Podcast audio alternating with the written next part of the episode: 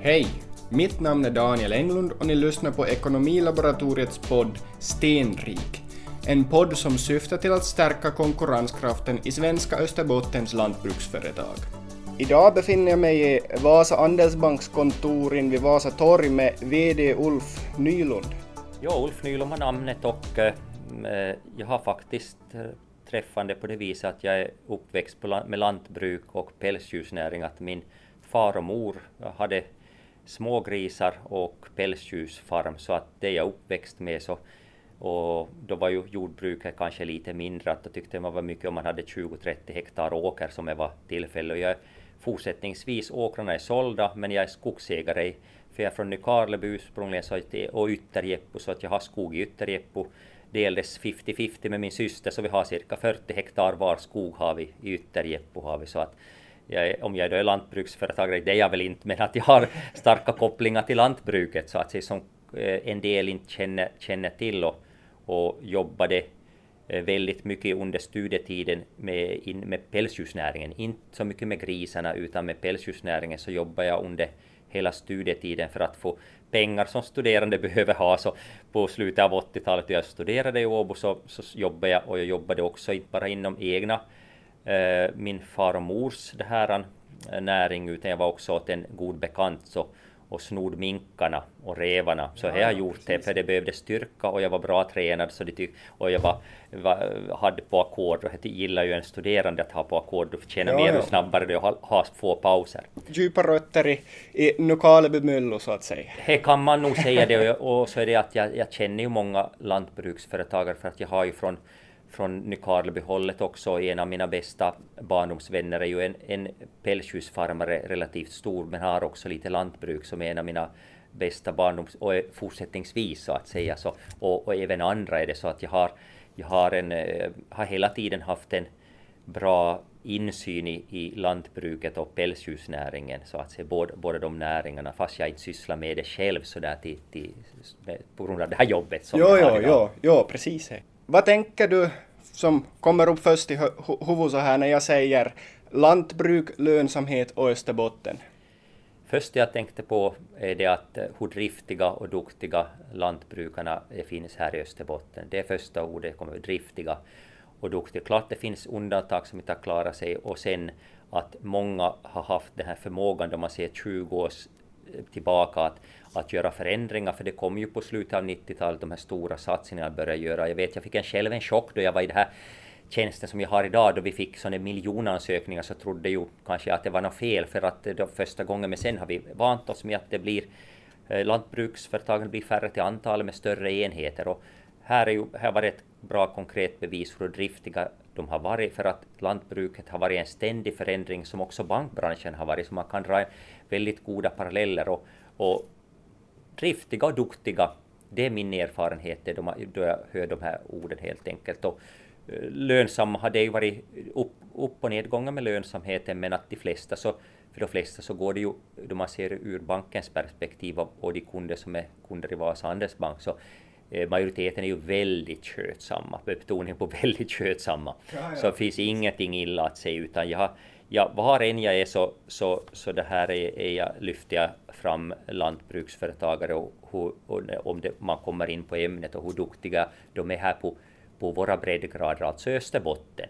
För att då jag jämför med kollegorna i östra Finland så är det nog stor skillnad som de pratar om sina lantbruksföretagare och hur de upplever dem och lönsamheten bland dem. Ah, ja, är det. Precis, de, de har, jag har ju inte har de siffrorna som är för östra Finland och övriga delar i landet, men att nu är det ju, man klarar sig mycket bättre i Österbotten, det vågar jag. Ja, ja. Det har diskuterat med mina kollegor inom OP-gruppen. Så att, så är det ja, så, ja, så precis. Ja, ja det var har, ju intressant faktiskt. Och det har vi ju sett också att det är ju nog sällan, ur en annan synvinkel också som, var, som jag tänker på först, att det är ju sällan vi säger nej till, under mina 22 år som VD för Vasa Handelsbank, så är det mycket sällan vi har sagt nej till en lantbruksföretagare då de gör satsningar det har funnits gånger då vi har sagt att de ska gå tillbaka och fundera på planer på nytt igen, men så har vi gått med på det. Och det hör ju till att man sparrar varandra och det måste ju passa in ur bankens synvinkel också, men att det skulle bli absolut nej, nej, nej och inte ge en enda euro.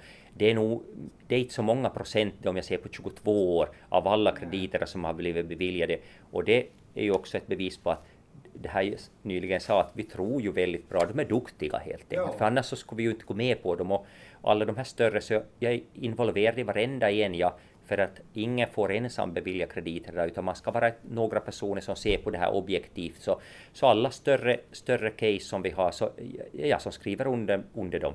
I sluttampen ja, ja, och, och godkänner dem att de får ge ut de här krediterna. Ja, ja, och därför har jag bra insyn också, som jag sa tidigare, i det här lantbruket, för jag ser på de här likvidkalkylerna och allting, hela, hela köret, det ska göras investeringar också, så har vi då den som är kundansvarig är ju den som gör det här stora jobbet och sänder in på alla papper till mig och, och några till och så går vi igenom det då. Spar, vi sparar internt, de är kundansvariga på viset, men vi har så bra personal så det är sällan vi behöver skicka dem tillbaka det här att det blir, blir eh, no, no, nej är det så.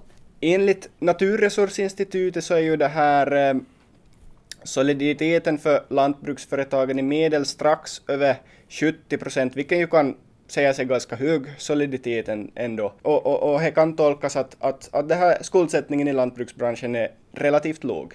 Då jag här före, före vår intervju sållade lite statistik så ser man att det här större lantbruksföretagen med när de har då var som med en omsättning på 750 000 upp till 3 miljoner euro, så hade en soliditet på bara runt 40 procent. Det är ju ganska mycket mindre än 70 procent och, och, och, i de här företagen så kommer definitivt en uppgång i räntorna märkas eh, på sista raden så att säga. Idag är ju räntorna historiskt sett väldigt låga men eh, hur ser ränteläget ut för tillfället och i den nära framtiden? Kan vi komma att se en räntehöjning inom några år? Jag tror nog det trots att jag inte har kristallkulan och man får inte skjuta mig men som du ställer frågan att eh, ingen vet exakt idag men nu de här senaste veckorna så har ju många aktörer börjat, alltså våra kära konkurrenter också, det var ju en konkurrent senaste veckan som trodde att det skulle komma innan årsskiftet redan. Det är bara en i Finland. Övriga nu eh, OP-gruppens syn på saken är då min syn som är samstämmig då de experter vi har i Helsingfors som har till uppgift att se på ränt. De tror ju inte att det kommer nu ännu under det här året några räntehöjningar. Men också inom OP-gruppen pratar man att allt tyder på det och det hänger ihop med om vi får den här enorma uppgången nu som alla pratar om och, eh, i, i, i det här i ekonomin, att det blir en mm. enorm tillväxt det brukar alltid följa med det att det blir inflation ja. och då börjar räntorna stiga. Men vi har ju levt i så konstiga tider. Vem skulle ha trott om du skulle ha sagt åt mig för 28 år sedan när vi skulle ha suttit här att vi kommer att ha minusräntor så skulle jag sagt det tror jag inte att det blir möjligt. Så ja. Därför så kan det ju en sån här sak som är naturligt att räntorna ska stiga så kan ju gå att det inte börjar stiga så mycket men att äh, alla tecken tyder nog på det att, att räntorna kommer att stiga. Om jag skulle säga då en uppskattning då på inom ett, två år Ja, om, om det går det här att det blir en enorm uppsving och eh, det här lönerna börjar stiga, blir kraftiga, svåra löneförhandlingar, inflationen går i två, man spår ju nog 2-3 procents inflation mm. här, här inom den närmaste tiden ja. och, och, och eh, många gör stora satsningar, företag här i området, vilket är positivt och det börjar dra riktigt enormt. Och ja. det har ju man pratat om. Så då, det är väldigt konstigt skulle jag säga att om inte räntorna då börjar stiga. Ja, väldigt som en, konstigt som en är det. Följd, ja. Jo, som ja. en följd av det. Mm. Det är mycket konstigt. Då är nog eh, världsekonomin eh, verkligen konstig ja, så att säga om ja, det går på det här viset. Så att det gäller att vara uppmärksam och följa med helt enkelt. Är. Vilka faktorer kan en lantbruksföretagare eller företagare för den delen se på för att få en fingervisning mot vart räntan är på väg. Alltså vad kan man se på, var kan man hitta information, alltså, alltså vad, vad, vad reagerar räntan på? Du sa inflationen, men, men vad finns det mer, alltså vilka, rent konkret, var kan man se de här faktorerna? Eh, Klart, det kommer med lite fördröjning, men man kan se på vår hemsida på op.fi. Alla banker har försöker nu att ge vad de vet för till ganska aktuell information. Så, och man kan ju på vissa ställen komma åt de här fast man inte är kund i bankerna så att säga. Att jag ibland då ser på svenska bankers hemsidor jag också att vad de tror om, om räntehöjningar och, och vad är Swedbank och vad jag är inne på Nordeas sida i Sverige och så de andas, andades lite också om det här räntestegringar så småningom, skrev man där på deras sida. Så där får man en bra information. Men sen är det ju idag också att, att media är ju väldigt bra att informera och, och att man följer med och läser tidningarna och sen går ni in på nätet också och, och och ser vad de skriver om sysselsättning, läge, det här som jag var inne på, om det börjar kraftigt stiga, att man börjar köpslå om arbetstagare och inflationen går upp och hela tiden, så det skrivs ju mycket om det helt enkelt. Så ja. det är ju ofta media som är snabbast med att, att, att rapportera, och också bankerna då på sina egna hemsidor om, om saker ja. och ting. Så man ska nog speciellt nu, nu om man har stora lån som lantbruksföretagare ska man nog följa med väldigt noggrant vad som händer. Och såklart kan man kontakta banken och fråga att har vi fått den sista, senaste det här information om läget och vad vi tror helt enkelt. Vi har ju inte exakt, ingen vet exakt, men att det är bra det också att kolla vad man tror om, om läget läget helt enkelt. Och är man inte kunde i Andelsbanken så, så kan det, finns det ju andra också precis på samma sätt så, så sköter de sina lantbruksföretagare. Men vi är ju, vi är ju måna om dem. Och en sak som är bra att fundera på nu är att man kan ju skydda sig mot de här, det här att, mot räntehöjningar. Det är ju en form av försäkring, det kostar lite, men det är absolut värt det nu om det eh, fortgår på det här viset att, att det är bara positiva signaler så tyder ju på att räntorna stiger och lantbruksföretagarna överlag så har varit väldigt dåligt på att skydda sina jämfört med privatpersoner och andra företagskunder. Jaha. Så att det var lite, det var lite överraskande för Vasa Andelsbank ja, hade varit att de har inte varit så intresserade att skydda sig och eh, kanske om man har mindre lån så då ska man inte göra det för att jag, samma sak här, jag, jag det här lever som jag, som jag säger jag också att och många frågar av mig, både privatperson hela tiden, mina bekanta frågar om det här ämnet, så är väldigt aktuellt det här du är inne på, på, på privat och frågar att vad tror de räntehöjningen, för man har läst ja. i tidningarna. Och jag har sagt åt dem att man ska skydda då, skulle jag vara er så skulle jag då ingen vet med exakthet, skulle jag sätta halva låneportföljen ja, om jag skulle ha stora bostadslån. Nu har jag själv privat stora bostadslån, så därför, men skulle jag ha stora bostadslån så skulle jag dela upp det 50-50 ungefär. Ha låg räntebindning på hälften av det, alltså eh, dra nytt, mest, längst möjliga nytta av att ha bundet till tre månaders Euroborg och sen skulle jag ta en försäkring på resten av 50 procent. Det här sa jag åt en god bekant här senaste vecka också. Då han, ja, ja. han frågade, det var en han som frågade, för han har ganska stora bostadslån och han, han är bekymrad och han trodde stenhårt att det kommer fast han inte jobbar inom bankbranschen, men till, till, sitt arbete så jobbar han med ekonomi och han följer med väldigt noga. Och han var bombsäker på att det blir räntehöjningar. Ja, ja. Och jag var lite mer så det försiktig, var jag. Men han, som han ser då han jobbar på ett internationellt företag så, så ser han det ut ur ett internationellt perspektiv. Han sa att det kan inte fortgå så här att vi har minusräntor med det, det uppgång och, och saker och ting som händer i Europa, utan i Europa måste räntorna börja stiga. Ja precis. Så det är ju min rekommendation det och i dagsläget är det ju är väldigt förmånligt ännu att ta som det ränteskydd. Eller så tar man bara en tredjedel. Om man tycker att det är för dyrt så tar man om man har en, en lånebörda på en miljon så nu, nu skulle jag, då skulle jag ha en miljon eller 700 000 av lantbruksföretag. Nu skulle jag ju sätta på några hundratusen ta då ja, i varje fall. Det skulle jag göra i, i, under det här året. Och, och man behöver ju inte göra, om man tycker då att absolut det är för dyrt, men ta kontakt och begär en offert vad det är, för det bygger på dagspris det här. Så ja. efter en vecka kan det vara något annorlunda, utan det är vid det tillfället du frågar. Så man har ingenting på att förlora att, att ta kontakt med sin, sin, sin kontaktperson på banken, om det var Handelsbanken, och fråga vad skulle det kosta om jag skulle skydda en del av min, min låneportfölj nu på tio år. Det är ingen vits att ta det på kort tid. Det. Nej, det, nej. det är onödigt det. Då ska ja. man glömma det om man tänker ta två, tre år, för det, det blir för dyrt utan det är bättre att ta sådär sju, tio år. För ofta är det att som, som du vet lika väl som att ett lantbruket, det är långsiktigt, de här lånen är ju inte på fem år, det är ju långa investeringar och satsningar. Man gjort, det är 15 och 20 år kan det vara beroende på vad det är frågan om för något. Och då ska man, därför ska man ta på 10 år helst om man tar ett ränteskydd, det är allra bästa, det är inte ja. något längre heller, 7-10 år. Ja, så det skulle, mycket kan skulle, ju ändra på tio år också. Det stämmer det. det mycket ja. kan du ha helt rätt. Mm. Mycket kan ändra på tio år. Det kan vara en, fara ner då, men det kan gå upp en gång till ännu ytterligare. Som det har varit, om man ser historiskt sett, mm. har det varit upp och nedgångar, högre räntor och låga räntor har det varit. Ja, ja. Så att Ja, det är rekommendationer, det är ju inte något tvång, vi tvingar inte någon, men att man... Viktigast är det att lantbruksföretagarna funderar över det och så har man gjort ett beslut så att man inte kan skylla på banken då, så att vi har, vi har erbjudit det här. Mm. Så man, ja, bara så det är helt att man tar kontakt med banken och begär en offert eller vad, frågar vad skulle det kosta om jag skulle skydda nu på några av mina lån helt enkelt, ja. göra om det här. Nu har bör, vissa, måste jag säga det, för ett år sedan, då jag sa att väldigt lite, men nu har vi haft några lantbruksföretag som har gjort det sista tiden. Och jag, jag, jag inte applåderar sådär, men jag har tänkt mig bra, bra, bra, bra, bra, då jag beviljar de här krediterna. Som är om, det blir en, om, en omstrukturering av krediterna då man tar skydd på en del av dem. Så det finns vissa nu som är ute, kan jag säga. Vi får inte säga några namn så att säga, banksekretess, men det finns vissa nu som har börjat skydda sina det här, det här krediter.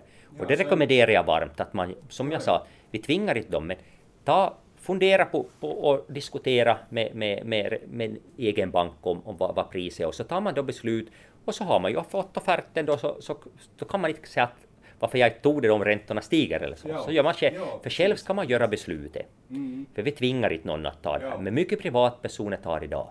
Mer än någonsin. Och det var just en artikel i tidningen också i, i det här Helsingin Sanomat som är en stor tidning. Så privatpersoner är väldigt på alerten och det är en sån som min bekanta är och, och han, han, är på alerten och troligen kommer han att ta, han är kund här vid banken och han kommer antagligen att ta på en del av sin, för han blev, han blev orolig han. Ja, ja, precis. Så här ser vi nu ja. att det är mer och mer folk, privatpersoner som, som tar en för ett halvt år sedan, tar på en del av sina bostadslån. Ja. Ja. Och det är också lika bra, men nu pratar vi om lantbrukare som, som ja, ligger ja, oss båda varmt om hjärtat så att säga. Så jag tycker det här hoppas man lyssnar på, på min, min, det här, mitt råd det så att säga. Och det kostar ju inte att ta en offert någonting. Nej, så är det Man har ingenting att förlora. Det här säger jag åt alla som säger att det blev för dyrt och allting. Ja, men ni har tagit beslutet och ni fick uppgifter om det här. Vi har erbjudit möjligheten och, och sånt. Är det så. Ni lyssnar på Ekonomilaboratoriets podd Stenrik hur har coronakrisen egentligen påverkat kreditmarknaderna och vilka bestående förändringar tror du det kommer att få? Jo, det blev strax före corona redan så har det blivit skärptare regler just om man ska bevilja krediter. Att många lantbruksföretag uppfattar ju alltså att vi är, vi är för petnoga, men det har kommit just delvis och har blivit bara värre under coronatiden och det blir tyvärr bestående att vi vill ha en massa med uppgifter och kontrollera och svart på vitt innan vi beviljar den här krediten. Så vi har aldrig begärt in så mycket uppgifter av, av kunder överlag, men av speciellt lantbruksföretagare innan vi kan bevilja krediter. Och delvis kommer det av Europeiska centralbanken som har, har strypt åt sina kranar och misstänker att man ska vara, eller att man ska vara enormt noggrann vid kreditgivning och det blir tyvärr bestående.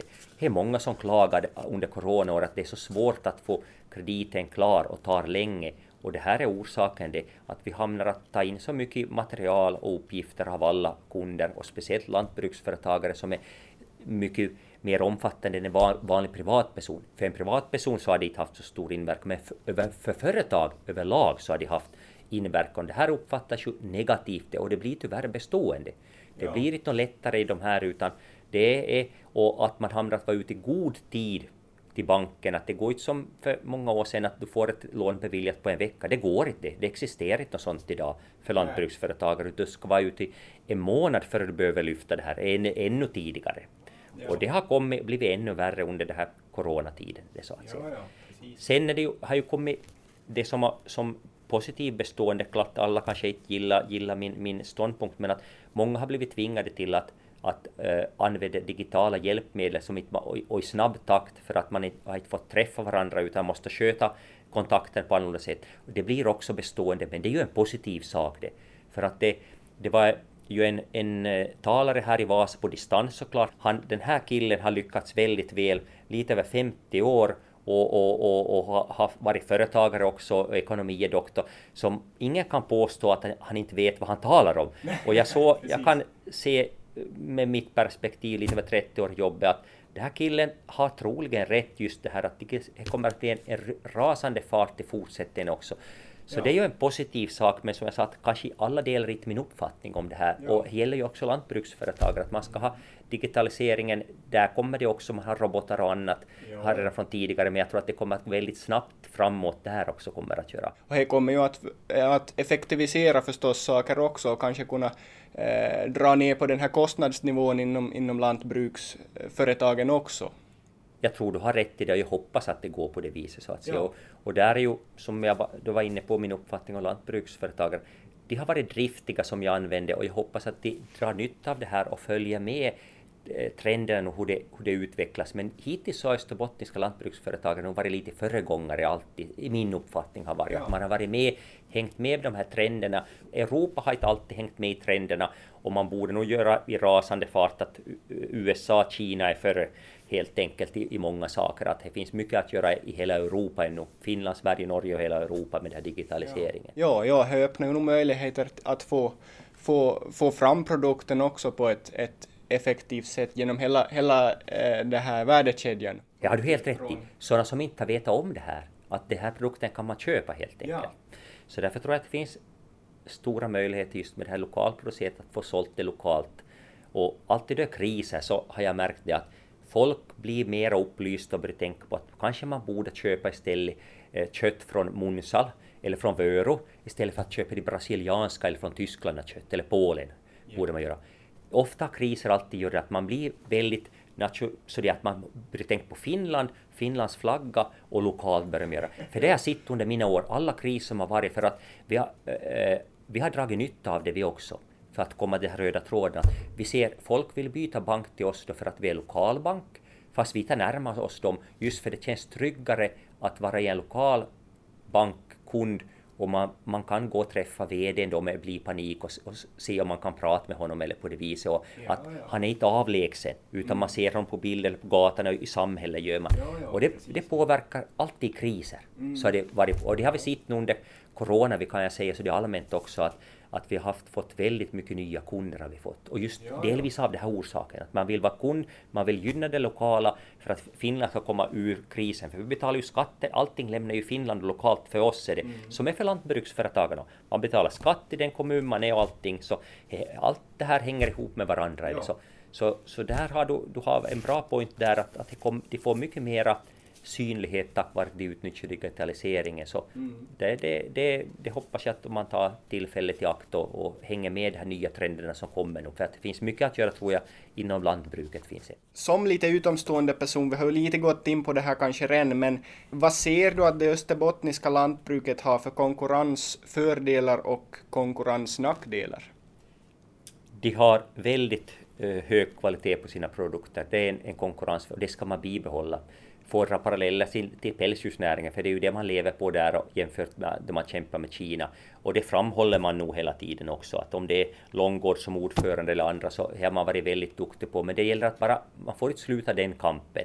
För det finns så mycket andra som, som har andra åsikter och på det viset. Så där har man nog en, en, en fördel av den här och att förädla det vidare med nya produkter och saker som, som görs också helt enkelt. Man ser potatisar gett på potatis helt enkelt och hur, hur de har gått från, från klarhet till klarhet och hitta. Men nu har de haft problem klart och restaurangköken har varit stängda och skolan har varit stängda och på det viset men att, att hon har utvecklat potatisen som ett ja. exempel också. Så att, ja. så att, och just sådana det här innovativa och goda saker så att man ska fortsätta med sådana för det som jag sa tidigare, man har, det finns möjligheter där och man har ju visat det att, att man är kunnig och att hitta på och att förädla vidare de här produkterna här i Österbotten inom lantbruksföretagarna så att säga. Så att eh, jag ser nog eh, mera positivt än bara man håller upp den här, den här andan och farten och inte, och inte blir motarbetade ibland allt för mycket mm. får man sådana mellanslag från höger till vänster och, och i mina kopplingar som jag sa så jag kan säga att det är ingen tröst för lantbruksföretag. Jag lider varje gång jag och försvarar dem och blir riktigt arg då, jag, då, då kommer sådana märkliga påståenden mot lantbruksföretagare och det beror på min bakgrund och jag känner, och jag känner att jag har bekanta som är lantbrukare så därför så, så lider, jag, lider jag med dem så att säga lika mycket ja. så att säga. Gör jag. Precis, om du får säga någon nackdel, vi har tagit upp ganska mycket positivt ja. men lite konstruktiv kritik, eller vad ska vi säga? Ah, eh, land, jo, att man ännu, eh, vi ser att många kanske inte har en del, inte många, nu ska jag korrigera, att kanske inte har riktigt kontroll på sin ekonomi. Och i det här förändringar världen och snabba förändringar i världen och digitaliseringsvärlden vi lever så rekommenderar jag varmt att man skulle ha bättre koll vissa så att säga på ekonom, sin ekonomi, vad som kommer in och ut och på det viset och ha bra samarbete med bokföraren och på det. Det här tycker jag skulle vara, och, och sen kanske vissa kunder ha mer kontakt med kontaktpersoner på sin egen bank och berätta om läget direkt det händer något. För det uppskattar vi och det har vi försökt att säga under 20 års tid också. Att, så det är nog inte så skarp kritik och det gäller ju inte alla utan det gäller en liten ja. klick är det helt ja, enkelt. Precis. Att man ska, om man får problem så är det bättre att berätta om det direkt och ta kontakt och diskutera än att komma när det, när det är för sent egentligen. För ja. då är det svårt att vi kan hjälpa, som finansiär har vi svårt att börja hjälpa och ställa till med någonting då är det, om man kommer i sista minuten och det är panik är det, ja, helt enkelt. Precis, det.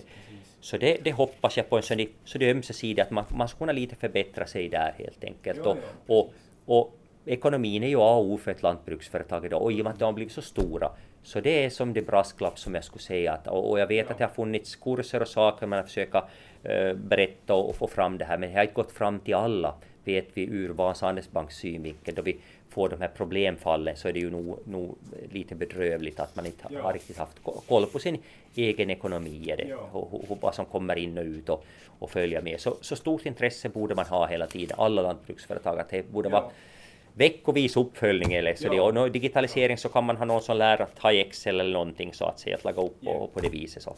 Mm. Så, det, så rent konkret kanske, kanske just det här att, att inte vara så rädd för att använda banken som en sparringpartner heller? Att, att, Nej, att... Det, ska man inte vara helt enkelt om man har absolut och speciellt om man har lite större krediter så, så är det, och ju, som vi använder ju det uttrycket också tidigare, vi är ju till för att vara sparringpartner också, frågar du om det var ränteskydd eller annat och fråga offerter. Att vi, vi, säger, vi gärna så, så sparrar och man bokar in tid helt enkelt. Och vi har många som är i kontakt med oss men att man får ju tid med samma. Men vi bokar alltid till och vi har ju många lantbruksexperter i Vasa Handelsbank. I Nykarleby, har, Nykarleby-kontoret har vi ju de, de, de, bästa men vi har ju varje kontor de som kan lantbruket. I, både i Vörå, Malax och Närpes har vi. Så det, vi har he, hela vårt verksamhetsområde har vi så att säga. Ja. Duktiga personer har vi. Ja. Hurdana utmaningar står företagen i Österbotten i stort för och, och eh, vilka av de här utmaningarna påverkar också lantbruksföretagen? Vad har vi inom de närmaste åren eller fem åren eller så vidare? Vad... Jag nämnde tidigare, det som jag är mest orolig för är det här stödpolitiken. Man ser, du, du så nämnde långsiktigt, det så att säga, hur, lång, hur länge, för annars har vi inget inhemskt jordbruk om, inte, om, om man skär ner så det brukar jag alltid lyfta fram i olika sammanhang. det. Sen är det den här digitaliseringen som jag var inne på tidigare, det har alla företag, inte enbart det här lantbruksföretaget. Också ja. Vasa Handelsbank har det. Ja. Alla kommer att beröras av det och det kommer att gå, i, som jag sa, jag tror att det kommer att gå i rasande fart och man måste hänga med i den utvecklingen också. Helt mm. enkelt måste man göra. De utmaningar har alla företag och speciellt lantbruksföretagen har att, att hänga med i den här trenden som kommer och den här uppgången ja. som kommer. Och för, det här, för att vi går inte tillbaka till det här gamla som vi hade i februari 2020 och mera. Det, det, jag hoppas ingen tror det. Det kommer inte tillbaka utan det kommer den här nya morgondagen någon gång då alla har blivit vaccinerade och vi kan resa lite mera fritt men det blir säkert först i slutet av året hoppeligen eller under nästa år. Så då kommer världen att se annorlunda ut och vi, vi, vi beter oss på annorlunda sätt och företagen hamnar att jobba lite på annorlunda sätt. Nya verktyg, digitalisering, lantbruksföretagen också hamnar att, att ändra sig så att ja. säga. Ja. Jag, är helt, jag är helt övertygad om det. Ja. Men de är duktiga och driftiga så jag, jag är inte orolig på det viset att, Nej, att, att, att ta till sig nya saker. Eller så. Ja, ja. Världen förändras ständigt och lantbruksföretagen befinner sig i världen så, så man måste förändras med den. Uh, I din roll som nu då VD för OP och, och uh, eller för Vasa Andelsbank, uh, vad betyder lantbruket för Österbotten? Väldigt viktigt är det. Ja. För att det är ju, om man ser på landskapet Österbotten jämfört med andra landskap så är ju nog jordbruket har ju en stor roll, har det helt enkelt. Det ser man ju också i Vasa Andelsbank är det så att säga att, att eh, räknar man ytterligare med till lantbruket pälsdjursnäringen så blir det, pälsdjursnäringen är ju mycket mindre i Vasa Andelsbank än vad lantbruket är. Det, mm. det är många gånger större så, så vi har ju, det är ju ingen hemlighet, vi har över, lite över 100 miljoner utlånat till lantbruket i Vasa Handelsbank, så det är ju inte små summor och nu pratar vi ut mark utan euro, så att säga. Så det, det, det, det är stora summor det. Så att, att eh, det, bevisar det här din ställda fråga att hur viktigt det är och det är väldigt viktigt för Vasa Handelsbank lantbruket. Det. Det finns ingen som, som betvivlar, betvivlar det eh, som är anställd här i Vasa Handelsbank, det här lantbruket och hur viktigt det är. Mm. Och det i hela Österbotten, som jag sa också tidigare, så har det ju en stor inverkan, för här finns mycket lantbruk fortsättningsvis. Ja. Antalsmässigt minskar det, men det har blivit större enheter. Ja. Har det blivit. Och den trenden kommer garanterat att fortsätta. Att det Ja. kommer att de här stora enheterna, det är svårt att bedriva ett jordbruk som mina föräldrar drev då för länge, länge, länge sedan, om det var 20-30 hektar åker. Så var- det, existerar inte något sånt idag, utan heller så skulle det vara, om det var 20 så skulle det vara nolla till. Ja. Det är väl att ta i kanske 200 bör det inte vara, men det ska vara i alla fall ett tresiffrigt tal är det ofta. Ja. Det är det 100 hektar ska det vara ungefär. Ja. Det är det som är lite plus minus där som det bör vara för idag med spridningsarealer och allting. Så Ja. att se om du gör en satsning är det så. Ja. Ja, det går ju kanske lite mot att man antingen så ska man diversifiera sin produkt och få ett, ett högre pris ur den, eller så måste man eh, tävla på den här kostnadssidan så att säga, så att man, man kan tävla med en bulkvara. Exakt. Så troligtvis kommer det att gå till en, endera hållet. Jo, högst, ant, högst antagligen. Men en, ännu en gång så eh, har en mycket viktig roll och det kommer, tror jag också, du nämnde framtiden. Jag ser inte nå nå- jag ser inte något slut på det att det ska ha en viktig roll. Enda det kan ta slut är det att våra riksdagsmän gör beslut som är tokigt. Och EU. Det enda, som jag har sagt flera gånger, det enda som jag är orolig för är att, att det blir en sån regering som börjar motarbeta jo- jord och skogsbrukare. Det är mitt orosmoment på lokala planet och så har vi EU som på nästa planet. Så är det två orosmomenten jag ser om, som du sa långt, om vi säger vi har ju kom, riksdagsval på kommande allt och det är oroligt i politiken och som alla har kunnat notera också så kanske, om det slår fel så det här, nu ska jag inte gå in på någon politik för att jag försöker vara neutral fast jag har starka åsikter så, Ja. så, så det här med att diskutera politik och, och arbetsgivarens vägnar men att, att då kan det ju ställa till problem för det här. Det är, är sådana aspekter som jag, som jag vill lyfta fram med det. Ja, så den här politiska risken är du, är du mest jo. orolig för Ja, kanske? men det stämmer, du har helt rätt. Jag är mer orolig för det än att, att de, de, de, och, och det, det påverkar deras lönsamhet. Ja, För politiken, det har så stark inverkan på oberoende vad du sysslar med, speciellt lantbruket, och de har drar sig till åtagande minnes nu diskussioner som har varit där senaste åren. Hur många gånger jag inte har läst då eh, Mats Nylund och Thomas Långgård hamnat ha insändare och vilka märkliga kommentarer det har kommit ur min synvinkel sett som har varit emot dem så att säga. Ja. Om det har varit då skogsavverkning eller på det viset eller annat så att säga. Så nu har de ju fått vara ute mycket mer än tidigare de senaste åren och försvara i, på bästa tänkbara sätt så att säga. För jag har ju, delar ju deras uppfattning ja. Ja. Du, Jag nämnde nu, det finns ju andra som har varit med Långgård och Nylund som sitter ju på sådana positioner. ju. Mats Nylund Ja. och Thomas Långgård sitter ju på sådana positioner som sådana personer som jag uppskattar högaktligen de, de båda helt enkelt. De är jättekunniga. Avslutningsvis, om du får ge ett kort råd till de österbottniska lantbruksföretagarna, vad är det? Håll bra koll på din ekonomi. Tack Ulf Nylund. Det var trevligt att ha med dig i podden. Tack detsamma till dig. Tack.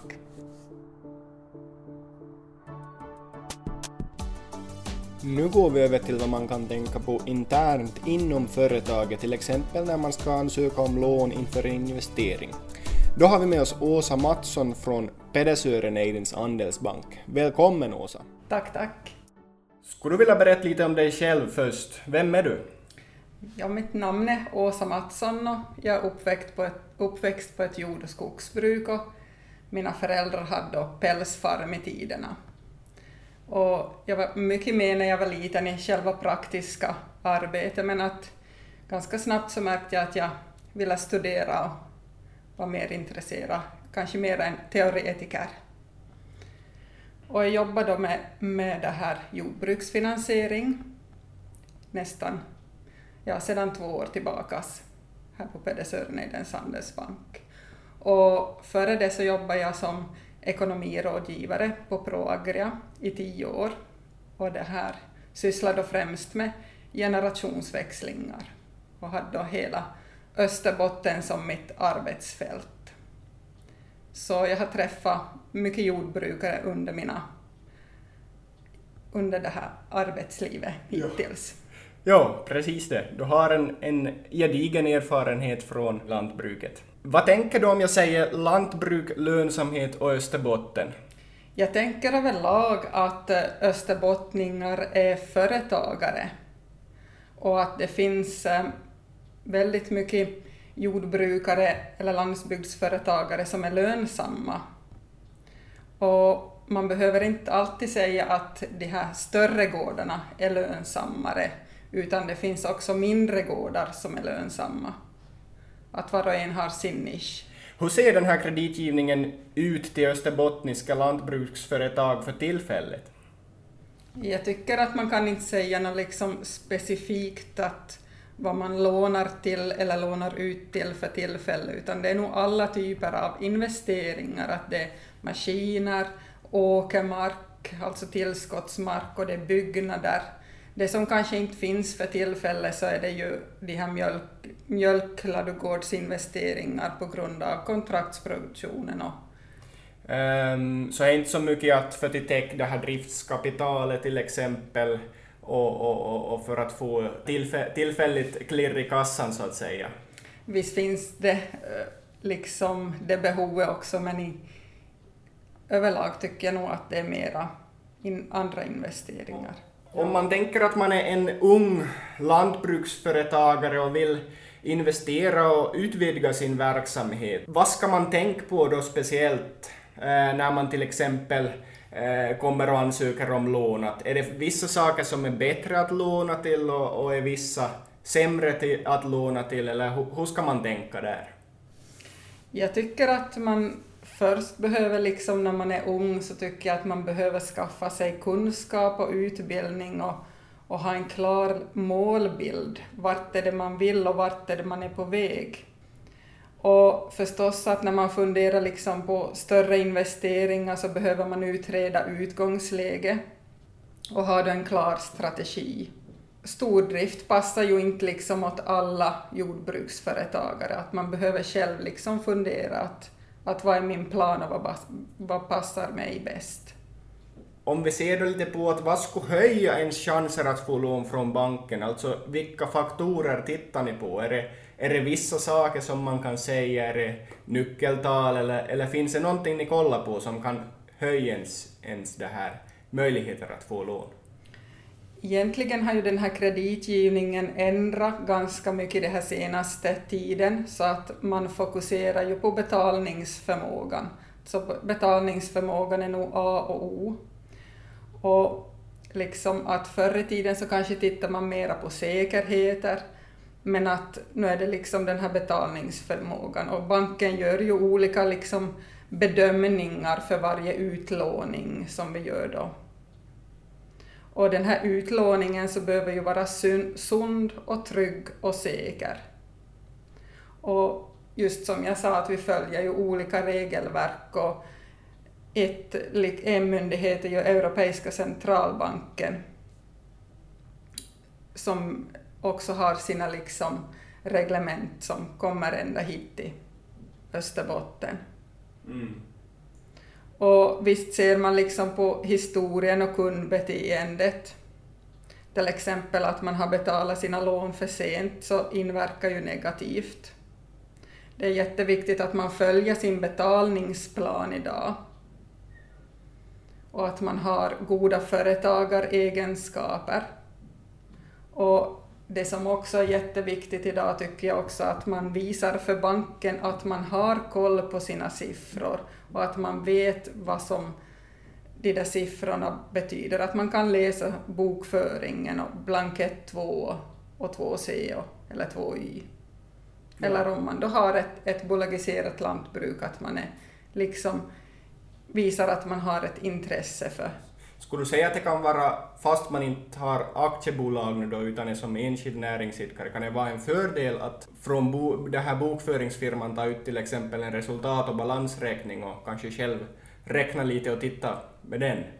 Ja, resultaträkningen är nog alltid intressant. Balansräkningen får man ju inte liksom ut då på det sättet när man är enskild näringsidkare eller det liksom exempelvis så det här åkermarkens värde är ju bara liksom till beskattningsvärde. Så att, att, men själva liksom resultaträkningen är ju väldigt intressant att analysera och man kan då jämföra att hur gick det förra året. Och, och visst kan man också ha det här dubbelbokföring eller prestation som man då vill följa upp, man vill följa upp noggrannare helt enkelt. Så det här egentligen, egentligen är det, det här att man har i skick likviditeten, eh, att man har ett, ett stadigt kassaflöde så att säga, och så att man har koll på sina siffror, att man kan räkna och visa lite själv och också inte bara ha tagit de här siffrorna ur hatten utan att de är faktiskt som begrundade och, och, och, och att det finns en grund bakom dem. Ja, och att man exempelvis gör upp själv budgeter. Att det är ju alltid bra. Med din erfarenhet, nämn tre saker som ger ekonomiskt resultat på ett lantbruksföretag. Det som jag tycker jag har som fokusera på, eller vad man ska säga, det som jag tycker att jag tänker på, att, att de som har, har gjort investeringar stegvis, trappvis, liksom inte för stora kliv åt gången, att de klarar nog sig bra. Men att blir det liksom för stora investeringar på en gång så kan det liksom så att säga bli problem med kassaströmmar och, och ännu liksom om det kommer ännu någonting som blir problematiskt. Så trappsteg skulle jag liksom föreslå.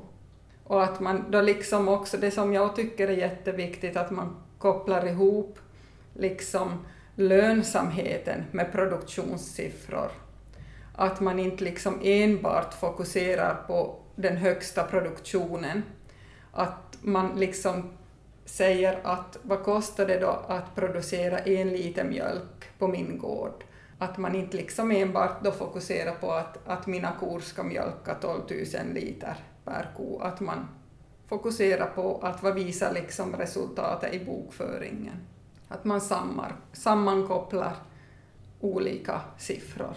Att man får en bra startpunkt vid generationsväxlingen, att man har en överkomlig köpesumma när man generationsväxlar. generationsväxlar.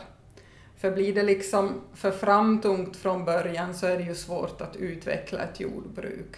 Vad ska man som lantbruksföretagare inte låna pengar till?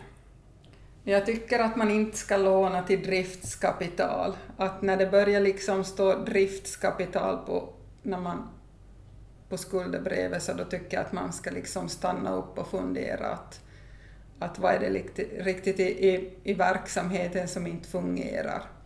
Och just de här amorteringsfriheterna i, i dagens läge och inte heller riktigt enkla att när man skriver under skuldebrevet så har man ju kommit överens med banken om en betalningsplan.